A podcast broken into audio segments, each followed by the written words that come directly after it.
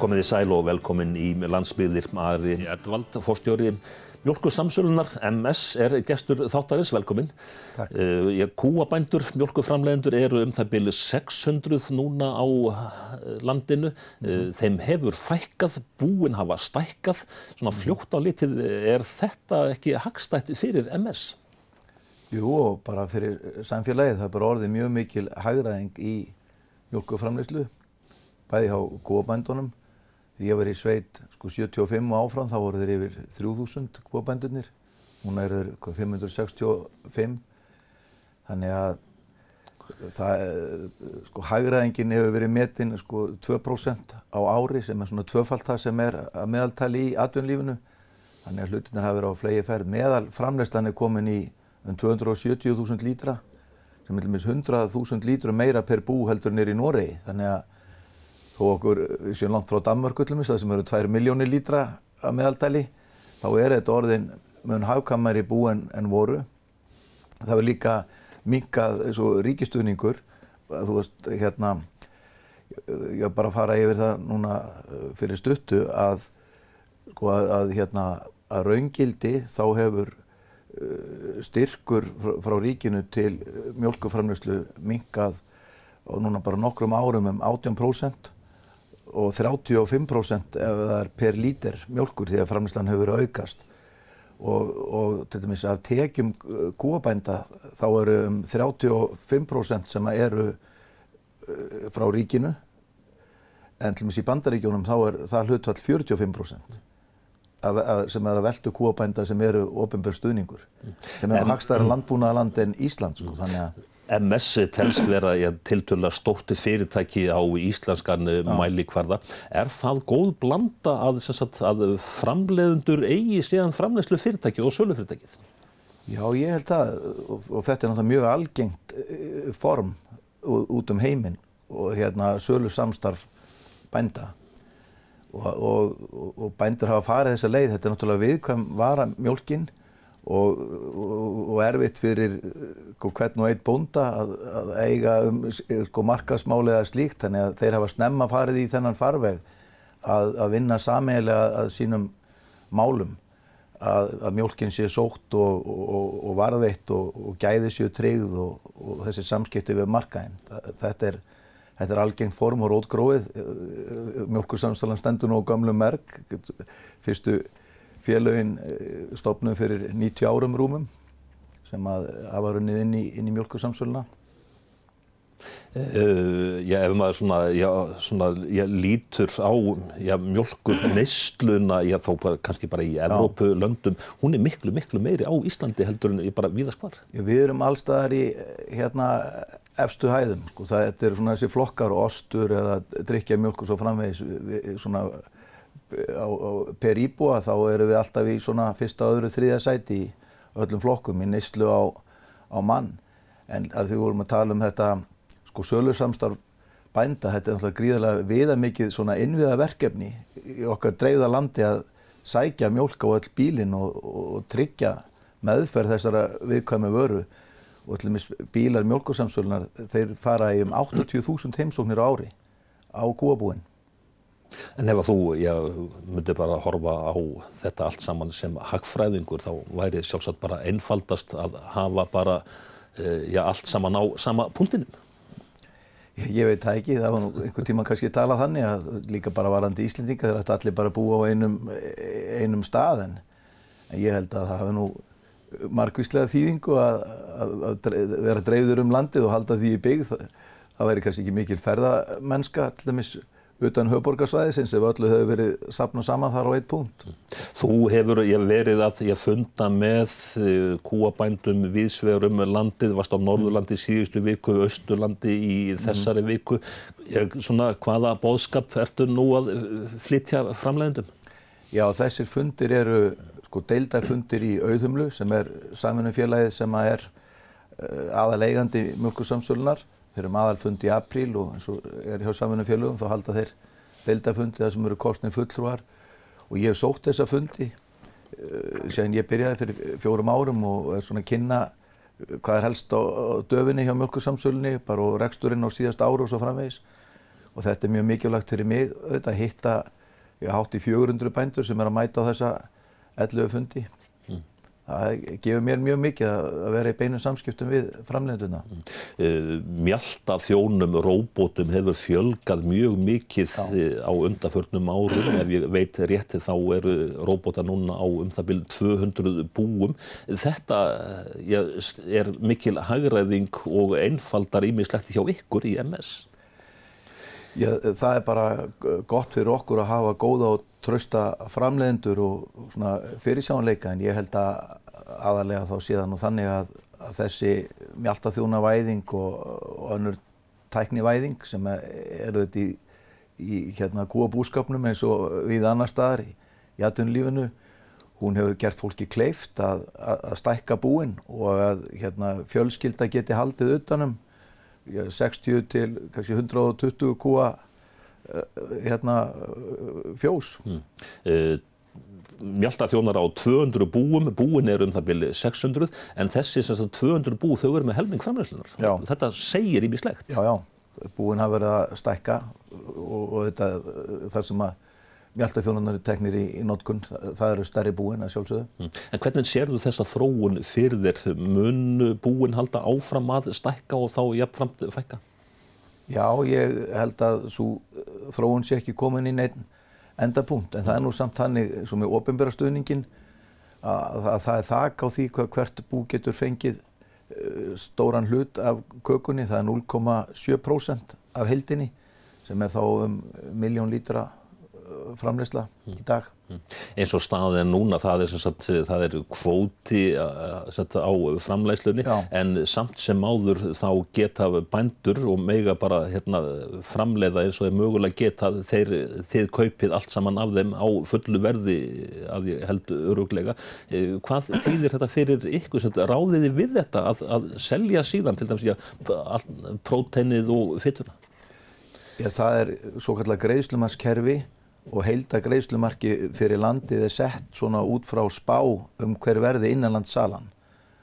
Og bændur hafa núna nýlega sko ákveðið að hafa þessa framlýslu stýringu áfram. Það var nýbara lokið atkvæðgreðslu og meðal bænda sem var gríðarlega þáttaka í, rúmlega 88% og það voru 90% sem að uh, kusu að búa áfram við þetta framlýslu stýringakerfi sem er greiðslumarskerfið og við kaupum fullu verði þá mjölk sem er innan greiðslamas en uh, það er engin takmark á því hvað, hver bóndi má framlega mikið en við kaupum uh, hérna þá mjölk sem er umfanna greiðslumarka á því verði sem að fæst fyrir ástöfun á, á þeirri mjölk. Mm. En hvernig gengur ykkur þá að, að nýta þessa umfram mjölk alla til dæmis í prótenni? Þar er því hálfgernu vandrað með ekki? Já, það er nú ekki hérna úr umframjólk, sko, sá vandi sem að þú ert að vísa til, uh, hérna, það, það er ávið mjólk sem er innan greiðslumas, að greiðslumarkið er miða við, nú eru framleitar ímsa vörur úr mjölkudrópanum, það eru próteinvörur og það eru fytuvörur og það er talað um hérna mjölkursölu á fytugrunni og próteingrunni og það er greiðslumarkið miða við þann þátt sem að meira selst af og það er fytan í dag. Og hún var nálagt 145 miljónu lítra í fyrra salan á fytugrunni en á prótengrunni hins vegar 129,5 miljón lítra. Þannig að þar eru við með 15,5 miljón lítra í mismun. Mm. og það skapar ákveðin vanda hjá okkur hvað mikið meira selst af fytuvörum en þetta er háð tískusveiflum, þetta er alltaf misjamt, fyrir 2011 þá seldist meira prótein, svo var í balansi nokkur ár svo hefur meira selsta fytu eftir 2013 en, og, og, og þessi halli hefur farið vaksandi því að uh, það er engin takmarkurist verið endimörk á auknum vinsældum smjörs og rjóma. Og fellur inn í hérna, dæet hjá fólki í dag eða það mataræði sem það kýs miklu meir en var, fólk var að hræðast fytu hérna fyrir nokkrum árum síðan. En núna er búið að taka fytun í sátt. Við veitum ekki hvað það verður lengi En bara þetta að, að, að ferða fólki fjölgi stórlega á, á undanförnum árum, ég, það eitt þýðir bara aukna mjölkuneyslu. Já, það, og, og, og líka sérstaklega einmitt í fyrt og rjóma og slíku því þetta er mikið veitingahús og hérna í matreyslu og slíkt. Og, og það er alveg rétt, ferðamennskan og sprengingin í henni hefur haft áhrif þarna. Og bara sem dæmi má nefna að þessi svo kallagi fyrirtækjamarkaður sem eru veitingahús, hótel og slíkir, það var 20% af markanum áður móti fyrir nokkrum árum síðan, á móti 80% í smásöluverslun. En núna eru hlutföllin 70-30 þannig að fyrirtækjamarkaðurinn hefur vaksið meira og það tengist þessu hvað er mikið af hótelum og veitingastöðum og mikið tengt ferðamennskunni. Mm. En bara miða við hversu já, markaðurinn er smár í raun og veru á Íslandi bara þegar maður fer inn á heimasíðu fyrirtækisins þá sér maður hvað þið eru að, að framleiða gríðalega margar vöru tegundir. Já, við erum með ekkur tæplega 500 vörunúmer. Er það ekki alltaf mikið? Já, við höfum reyndar verið að taka eins til í því og það tengist líka hægraðingu hjá vestlunum að þau vilja ekki hafa eins mikið vöru úrval og var ekki eins, ekki eins mörg vörunúmer. Þannig að jú, við, af þessum fjölda þá eru eitthvað rúmlega 300 í smásöluverslunni og afgangurinn á, á fyrirtækjamarkaðanum þetta er nú bara stærðir og, og bræðutegundir og svo framvegis og, og bak við þessi fjölda vörunúmera. En En jú, þeim er ekkit að fjölga. Þegar við erum að koma með nýjar tegundir í dag þá erum við að taka aðrar út á móti. Mm. Er alltaf stöðug vöru þróun, er þau alltaf að leita að einhverju nýju? Það er gríðarlega mikilvæg. Sko það er yfir fjóruðungurinn af allir okkar sölu er alltaf úr vörun sem voru ekki til fyrir fjórum-fimm árum. Það er það mikil enduníun í vöruframbúðunum. Mm. En MS er á vissan hátt svona ein og konar fyrirtæki, þið eru risinn á markaðunum, mm. hafið verið sökuðum um markasráðandi aðgerðir. Þetta mm. lítur að hafa, ég svona, ég, hvað ég var að segja, skadað orðspór fyrirtækisins í það minnsta. Já, hérna, það er rétt, við erum álitið markasráðandi fyrirtæki og, og, og erum skilgreint sem slík og það hafi verið uppi ásaganir um misnótkun á þeirri stöðu. Það sé nú ekki fyrir endan á því máli, ég tel nú að við munum vinna það mál fyrir landsrétti, það er, verður næst tekið fyrir á því dómstígi. Við höfðum nú betur í stjórnsýslufarveginum á endanum, áfyrir enn sangjörðsmála, konsta þeirri niðurstöðu að mjölkursansalinn hefði ekkert brotið af sér. Og við höfum mjög mikinn áhuga á því að auðvitað fylgja öllum ákvæmum sangjörnslaga og ef við vinnum þetta mál þá liggur fyrir að mjölkursamsalun hefur aldrei gerst brotleg uh, og verið fundin segum brot á neinum reglum sangjörnuslaga. Þannig að það er nú mikla ríkjur þegar uh, því er líst eins og að, að það hefur verið þarna einhver tilheng til ítrekkaðrar uh, hérna, brotastarsemi. En þetta er auðvitað viðkvæm stað að vera svona stór en, en þetta er algengasta staðan líka svo þið vera hlutum bandaríkjana þá eru stæstu mjölkusölu fyrirtækin með svona gríðarlega mikla hlutdeild og hérna í nærumkörinu í Danmörku er Arla 90%, Tíne í Noregi 95%, við erum 90% og uh, viðfangsefnið hjá okkur er auðvitað að fara vel með þessa stöðu. Við erum að vinna með uh, lögfræði fyrirtæki að því að greina alla hættu á að vera rángstæð í þessum málum og halda námskeið fyrir starfsfólkið eftir svona sankjöfnisettar áallun þannig að til að tryggja að, að við séum að koma vel fram og við viljum líta svo á að þessi stærð eigi að vera sko öðrum til aðstóðar sem vilja vera í mjölkuframlislu og, og nýsköpun og vöruþróun. Mm. Við höfum talað þannig að mjölkusamsalan sé móðuskip sem geti aðstóða aðra sem að vilja vera í mjölkugeiranum. En það er það, og nefndi nú áðan að við verum í eigu bænda, að það eru auðvitað hagur bænda að það sé sem mest gróska, nýsköpun og vöruþróun og seljast mjölk þó að hún fari í gegnum aðra heldur en mjölkusamsöluna sko, til neytenda. Þannig að hérna, en þetta tengist líka þessu sem við erum að tala um áðan, hvað þetta er flókið innviðaverkefni bara eins og bara vassveita eða, eða dreifing á raforku, þetta mjölkuverkefni. Það er ekki allir sammála því, en það er einhver ástæði fyrir því að þessi stæstu mjölkufyrirtæki eru á þessari stærðagráðu á sínum mörguðum líka hjá miklu stærri löndum en hjá okkur. Mm. Það er stundum er sagt að almenningur greiði atkvæði með uh, buddunni. Uh, við viljum helst hafa markas umhverfið frjálslegt og Já. að það séu svona, uh, bara að markaðurinn ráði en innflutningstollar á mjölkurafurðu þeir eru mjög háir.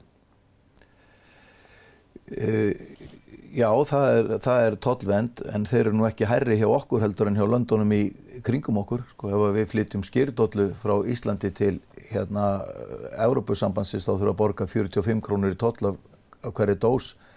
Ísland fann ekki upp hérna fyrirkomulegi kringum landbúnaðin. Hann er allstaðar rekin á þeim forsundum að hann nýtur ríkistuðnings og, og, og vendar. Mm og, og hérna ákvörðum fyrir eitt land eins og Ísland að, að, að fara út úr því fyrirkomulegi segjum bara að hafa já, óstuttan landbúnað það væri bara ákvörðun um að leggja niður mm. því, að hann, það væri svo ójableikur ég var nú nefna áðan að, að bandaríski kúabændur hafa herra hlutfalla sínum tekjum frá ríkistuðningi heldur en íslenski kúabændur. Ég er ekki frá því Ari að ég bara svona núna á undanförnum mánuðum að umræðan um ég fæðu öryggi að svona, hún hafi svona já, orðið svolítið þingri í þjóðfélaginu á að, að undanförnu mm -hmm. og svona, ég talandi þá um svona, fæðu öryggi að þar kemur MS eða mjölkur yðnaðurinn mjög til kasta. Já, ég er alveg sammálar um það að það er miklu meira meðbyr í dag með og, og bara uh, skilningur á mikilvægi líka bara almennt íslenskrar matala framleyslu að þetta sé mikilvægu partur af okkar efnagslífi og líka mikilvægu partur af, já, af okkar bara lífsgæðum. Þar kemur inn heilbriðið umhverfismálinn og, og fleira ég var nú bara á förstu daginn eh, hérna fyrir eh, tveimu vikum á ársfundi hérna bændarsamtakana og þar sem að hann Karl eh, hérna læknir var að flytja sitt erindi og þó maður hafi lesið um þetta og, og, og hlustað á, á hluta af hans bóðskap sko, áður þá er þetta alveg sko, magnað að, að átta sig á því hvað sérstað Íslands er mikil og hvað sko sjúkdómstilvik eru miklu færri uh, hérna tengt matvælum hér heldur en annar staðar. Og það er ekki bara spurningin um að sko veikjast og þetta síklarleifja ónæmi heldur líka ef að fólk þarf að fara í aðgerðir og, og slíkt. Og, og, og það bara blasir við svo mynd að ef að þetta breytist og segjum að menn hafa áhyggjur af þessum svo ríkistuðningi við eh, suma þætti matalaframslunar og landbúnaðin og það er minkað hérna mjög mikið að þá getur náttúrulega bara miklu herri upphæðir flusti yfir í þingri rekstur og heilbríðskerfinu við breytingar á þessu og minnst menn ekki alveg átt að segja á þessu að þetta er ekki bara viðskiptalegt sko umræðefni. Ég sá góði menn skrifuðu nýlega um að við erum að sætt okkur við hérna, frálsann innflutning á ófrostnu því að við vildum flytja fiskinn til útlanda. Ég fór svona að hugsa að já, við, við fórum að flytja inn vín og drekka vín til að geta saltfisk á spáni og láta það gott heita en mér finnst það svolítið annað að, sko, að, að við þurfum að fara að bóða bakterjur og, og, og ákvæmst líf og helsa hætta búin. Sko, er það ekki er það ekki eitthvað bóið við það? Sko, það getur ekki verið, það er enga bakteri í fiskinu sem við erum að flytja út, þannig að það væri mjög ósangjant af, af uh, þeim sem að uh, samþykja innflutning á fiski inn í sín lönd að kræfast þess að við hérna borðum og flytjum hingað inn og borðum kjötmeti sem að stennst ekki kröfur. Þegar þú ert svona á fundum með þínum ja, kollegum ellendis, er talað um þessa sérstöð Íslands? Já, hérna það varðandi það þegar að vera að skoða möguleika á innflutningi til annar landa þá er alveg augljóst að Ísland er í mjög háum metum og menn hafa mikið traust á matalum sem hinga koma, hérðan koma mm. og vita af þessum hreinleika sem er mjög verðmætt mál fyrir Ísland. Mm. Uh, þetta eru margar vöru tegundir sem að þeir eru að framleiða eins og við töluðum um uh, áðan en mm ég maður svona hefur það stundum á tilfinningu þeir dundri sikri bara í allt saman bara. Nei, nei, nei, nei. Það, en það er alveg réttið að það mætti halda það umræðun eins og hún var. Sko það eru flutt inn til Íslands um 15.000 tonn af sikri á ári.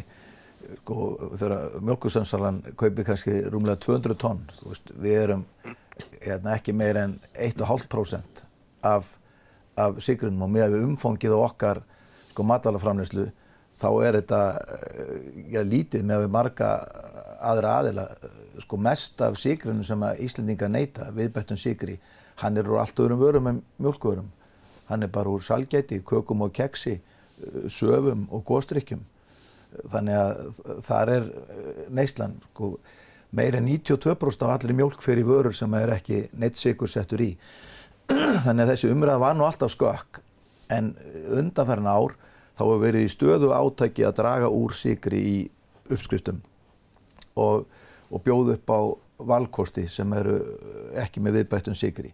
Stundum eru sætuefni og þetta er náttúrulega í þessum bræðbættu eh, mjölkuvörum þar sem að erum að ræða sigur eða sætuefni og til dæmis í skýrinu, skýri með ávöxtum, þá er núna 65% af sölunni þessar kolvetnum skertu tegundir, það sem er ekki viðbættu síkur heldur sætuefni 35% hérna í síkuru vara en við höfum dreygið úr síkri í uppskriftunum um 20% á undanfötnum 6-7 árum. Hmm.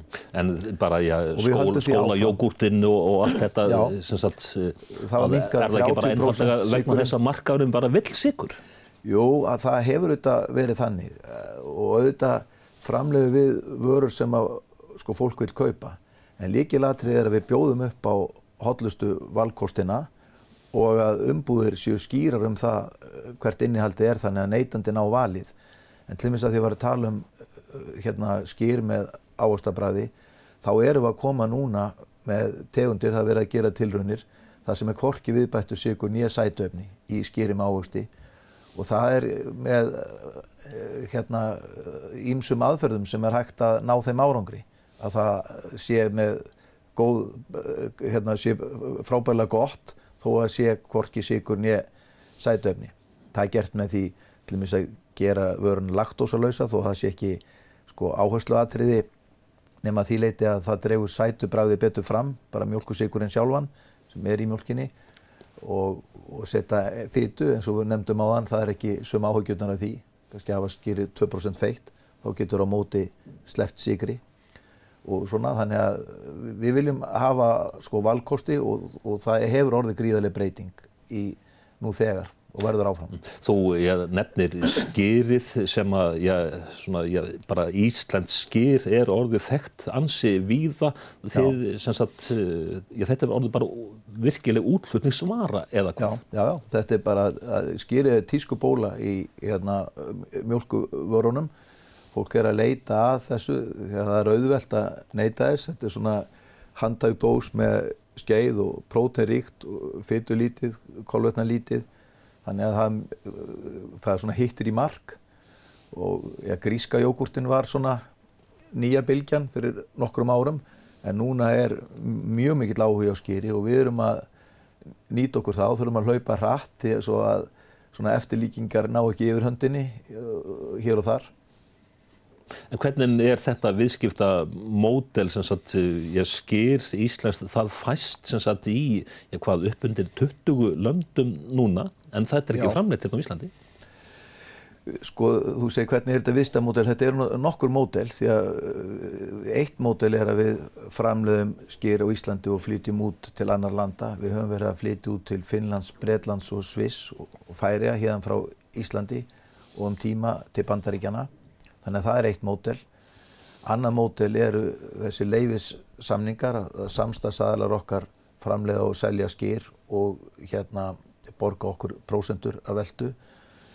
Þriðja mótili er að við kaupum skýra framleiðanda og seljum annar staðar.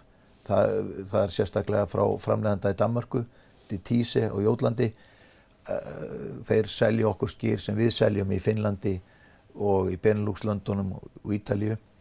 Nú fjórða mótilið er að við eigum eignan hlut í fyrirtæki, það er fyrirkomulagi í bandaríkjónum.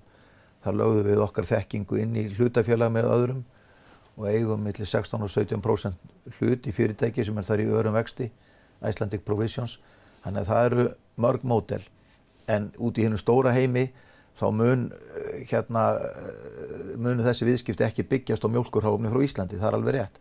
Þar þurfa framleiður staðbundinni mjölk En svo að ég skýr þá íslenskt, hvar sem það er þá eh, framleitt, ég, hverjar eru ykkar áallanir, hvar getur þú sett svona íslenska fánan niður á landakortinu á, á, á, í mörgum löndum? Já, svo nefndi þá erum við að vinna á átjánsvæðum núna. Við höfum sett okkur markmiðum að eh, ríflega tvöfalda eh, þau umsif á næstu 3-4 árum fyrir lók 2023. Það er okkar plön.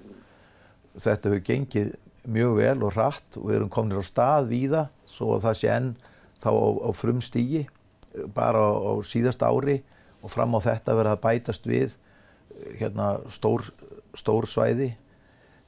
Skýr er núna framleitt á fimm stöðum hérna á Íslandi og í Danmörku, Noregi eh, Bandaríkjónum og Rúslandi frá því mægi fyrra.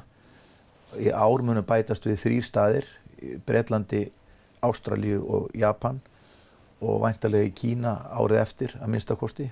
Þannig að hérna, uh, já, við reynum bara, við höfum uh, skráð vörumarki okkar um allan heim, Ísei skýr og það er hlutu sem við örðum að gera að því að skýr, sko, MS á ekki hugtækið skýr, uh, það geta aðrir íslenskir aðilar og líka bara hver sem er því að í flestum löndum þá litur menn svo á að þetta væri ekki sko vörumerki skýr heldur bara kategória eins og súrmjólk eða mjólk þannig að við örðum að búa okkur til okkar eigi vörumerki sem gætum fengið allstað skráð og varið og við höfum skráð ísiskjur um allan heim og þannig að við viljum bara vinna sem allra hraðast að því að, að, að ná fótfestu hvar sem er það sem að það er eitthvað upp úr því að hafa.